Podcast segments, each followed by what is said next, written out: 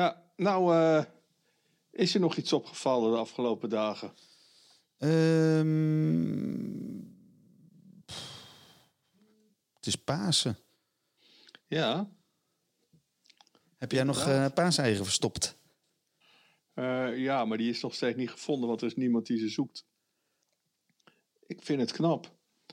Dat, dat je, je hebt het idee van wat zal ik eens gaan doen vandaag. En al die verplichtingen, weet je. Vandaag acht uur podcast. Nou, je moet er maar weer klaar voor zitten. Nou, ik zat er dus ook niet helemaal klaar voor. Ik had het namelijk echt rete druk vandaag. Ja. Ik moest paaseieren verstoppen. Ik heb gegourmet. Hm. Nou ja, Eh, ik heb een paasontbijt gehad. zet dat ding eens aan.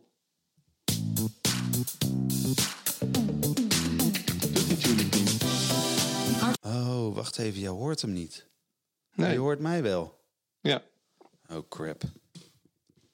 Hé, hoe kan dat dan? Dat is technisch onhandig. probleem.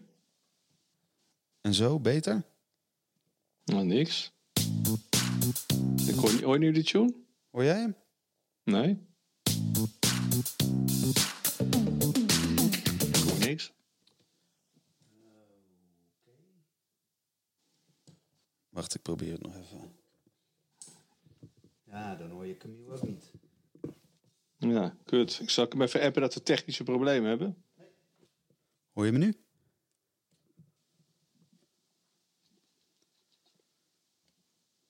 Zeg eens wat. Wat? Ja, je hoort me wel dus. Ja. Ik zeg, hoor je me nu? En je zegt niks. Hoor je dit nu? Ja. Ja. Hartelijk welkom bij Stokpraatjes. Oké. Hey, ga- gaan we nou beginnen? Ja, nou, maar je bent zelf nog wat een beetje vago. Hoezo? Qua, qua, qua licht en geluid. Ik heb het licht aangedaan. Nou, je ziet er wat vaag uit. Ja, maar ik ben ook vaag. Nee, maar qua eh, hè, de verbinding. Oh. Ja, ik kan er verder niks aan veranderen. Laten we beginnen. Het is wat het is. Ja, oké. Nou, dan ga ik voor de vijfde keer de jingle instarten. Heb je hem nog uit je hoofd kunnen krijgen? Ja.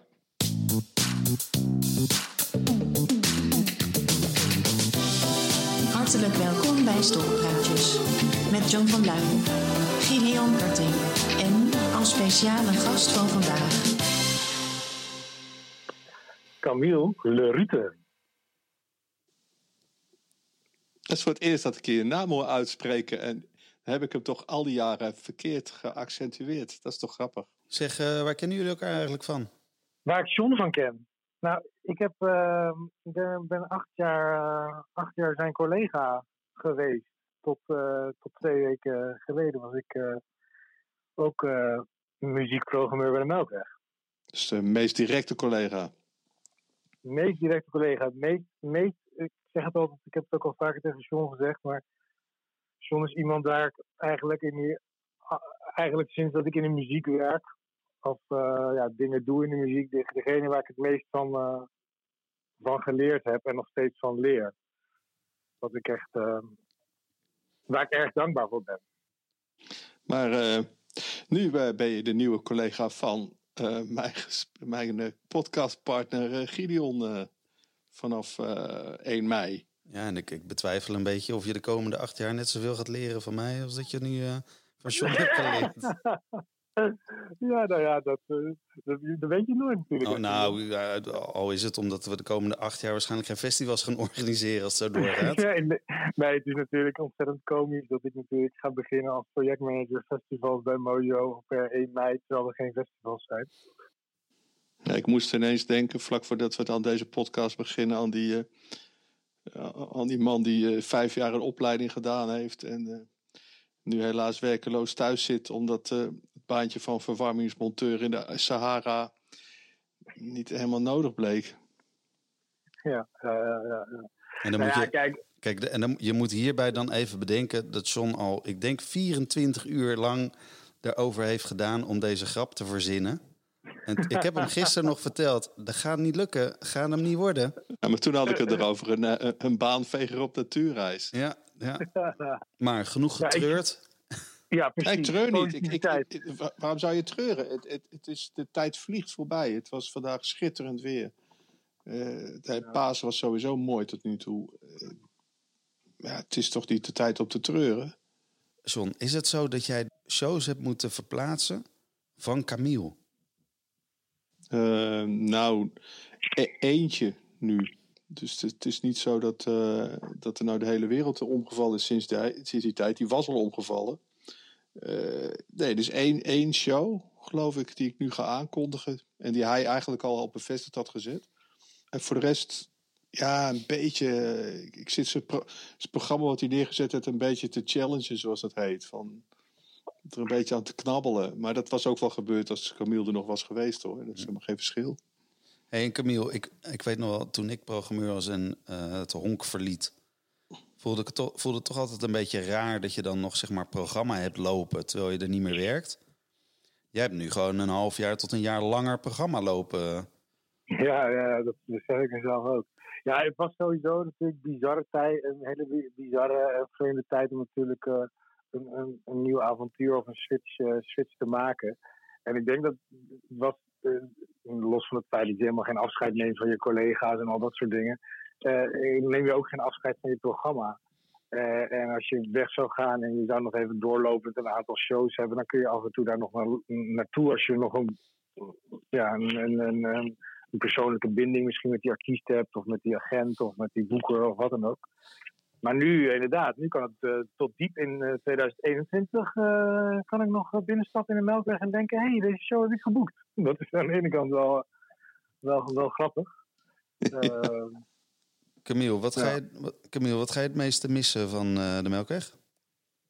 Um, wat ga ik het meeste missen van de Melkweg? Ik ga, denk, nou sowieso de, de um, ik denk het meeste dat is dat vind dat de Melkweg wel, ook met het programma wat we deden, wat, we wat, wat, wat de Melkweg neerzet, en waar ik dus aan mee heb geholpen, altijd wel een beetje een soort rauwe randje op, opzocht.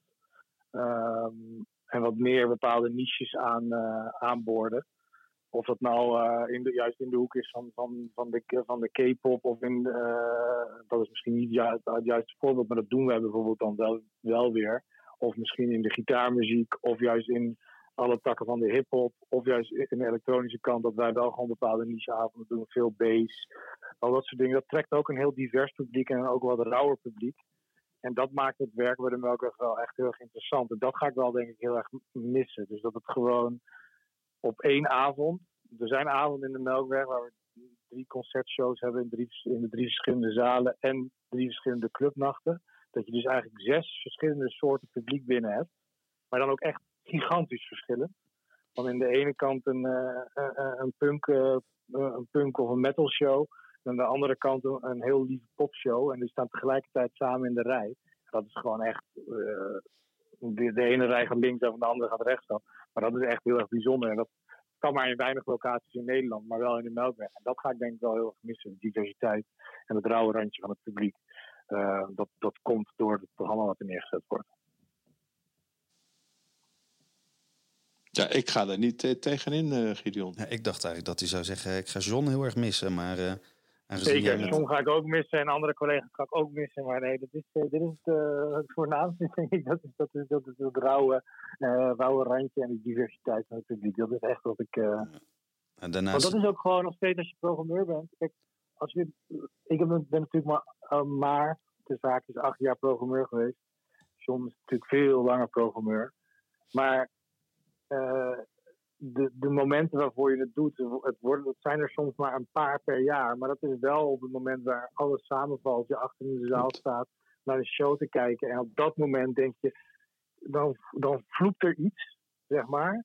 Dat, dat, dat is iets, dat is een, magie tussen de act die op het podium staat en het publiek. Of dat is juist het publiek in de venue, zonder nog zelfs uh, de artiest die op het podium staat. Het kan ook zijn de samenwerking tussen de crew van de band en de crew van de Melkweg. Dat zijn van die kleine momenten dat je denkt van, dan flikt er iets. En dan denk je, ja, hier doen we het eigenlijk voor. En dan vallen al, allerlei stukjes op zijn plek. Dat zijn, dat zijn soms maar vier of vijf momenten in één, in één jaar. Uh, maar dat zijn wel echt de momenten waardoor je doet. En ja, dan, dan, dan voel je dat soort dingen, weet je. Die, uh, en uh, en dat, dat soort momenten ga je missen.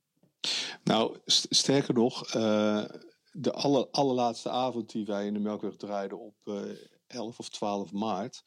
Er stond eh, was King, King Promise, Afrikaans artiest. En die had eh, Mhm. allemaal top hip-hop artiesten uit Nederland als gast gevraagd. Die ook allemaal kwamen opdraven. Dat waren echt ja, de, gewoon de grote jongens.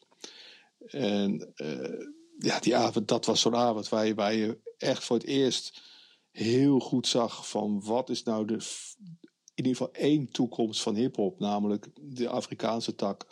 En het schurkt natuurlijk al langer tegen elkaar aan en het zoekt elkaar al een paar jaar op. Maar die avond kwam voor mij in de Melkweg alles samen. En, en dat je echt denkt van wauw, ja, hier doe je het voor, weet je wel. Van dit, dit is echt scene building, dit is echt de hip-hop en Afrikaanse muziek een, een stap vooruit. Niet zozeer brengen, maar zien, een stap vooruit zien gaan.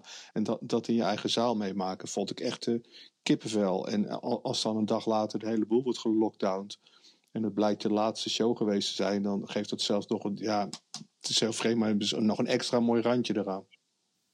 Nou, ik zal, Ja. maar, ik zal maar niet vertellen dat, dat ik het heel lastig vind om legendarische avonden, zoals jullie het een beetje omschrijven, waar er vier à vijf per jaar van zijn in de Melkweg. Ik heb er denk ik nog nooit eentje gehad in de Melkweg. Nee, maar jij, jij komt ook altijd aan met een soort van. Nou, jawel, jij hebt ze wel. Ja, nee, ik heb wel aparte avonden meegemaakt, maar ik bedoel, Heel zoals een. Door, als ik dit verhaal even mag vertellen, Camille, als je, ik weet niet of je hem kent. Maar eh, Lady Gaga die wilde door de, door de achterdeur naar binnen natuurlijk. En het hele circus eh, kwam via de achterdeur naar binnen. En dat moest natuurlijk allemaal op tijd. En ik stond daar met Gideon te wachten. En we stonden op onze klokjes te kijken. En van nou, ze moet nu toch onderhand wel binnen gaan komen. Nou, op een gegeven moment, eh, daar komen ze binnen. En we zien gewoon vier van die klerenkasten, letterlijk. Muzikanten, nou de hele possie van, van Gaga komt naar binnen.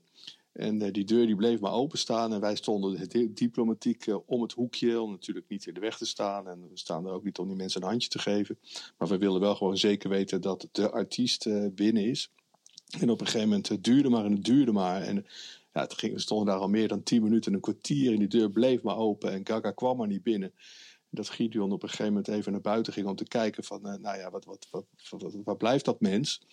En dat hij dus binnen een minuut eh, weer terugkwam. En hij zegt van, nou, dit ga je dus niet geloven. Ze staat met je dochter te praten. Heel goed. dat was wel echt een heel apart moment, vond ik.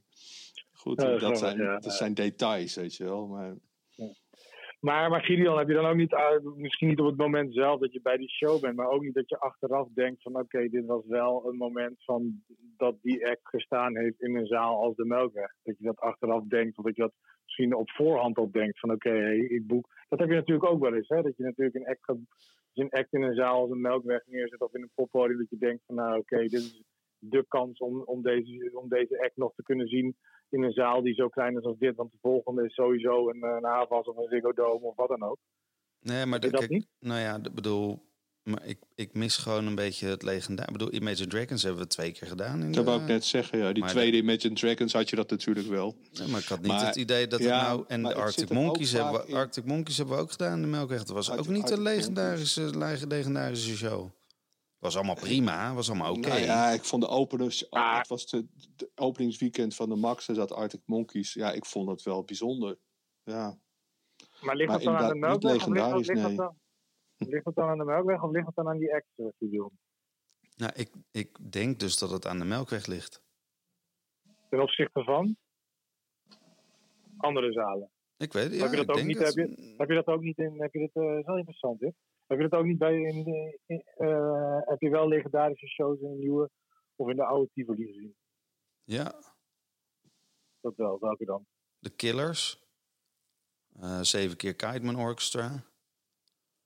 Ehm, maar ook eh, eh, Jeff Buckley in de Wot.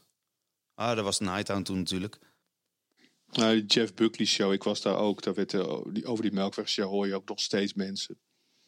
Het schijnt ook, eh, ja, ik heb dat niet zo er- ervaren als bijzonder. Het enige wat ik nog bijzonder vond aan die Jeff Buckley show in de Melkweg was dat dat, dat de enige keer is dat eh Marjolein Zonneveld van Mojo eh, naar de Melkweg moest om, de, de, de show te begeleiden. En dat er na afloop een manager naar buiten kwam. En die eh, aan haar vroeg, of aan ons vroeg eigenlijk, van ja, of, je, of we de artiest even een handje wilden geven. Jeff Buckley.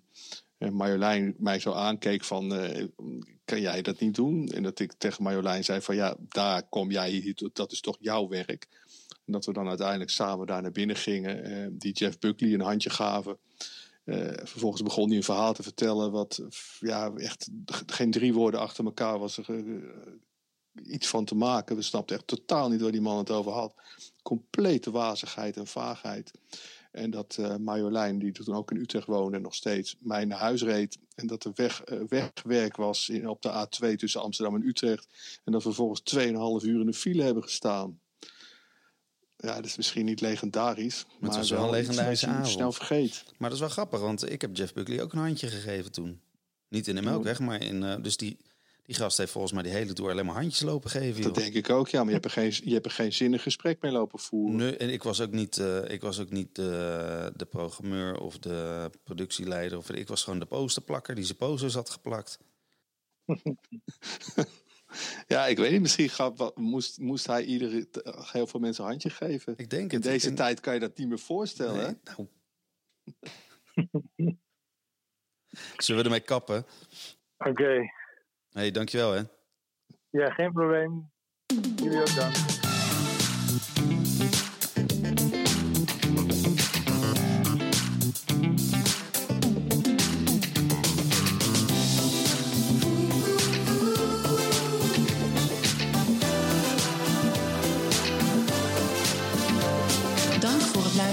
Stokpraatjes. Als je zin hebt kan je ons liken of op ons subscriben in je favoriete podcast app. Tot de volgende aflevering. Nou, Wil jij niet een keer eh, liken? Liken. wij, weet- wij weten niet hoe dat moet, Camille. Niemand lijkt ons. Even zien hoor. Ik zit nu toch- te kijken in die app Stokpraatjes. En dan moet je... dan Like? moet je- oh, hier, wacht. Even, wacht even. On- onvoldoende beoordelingen staat daar. Hier, boom. Ik heb gedaan nu.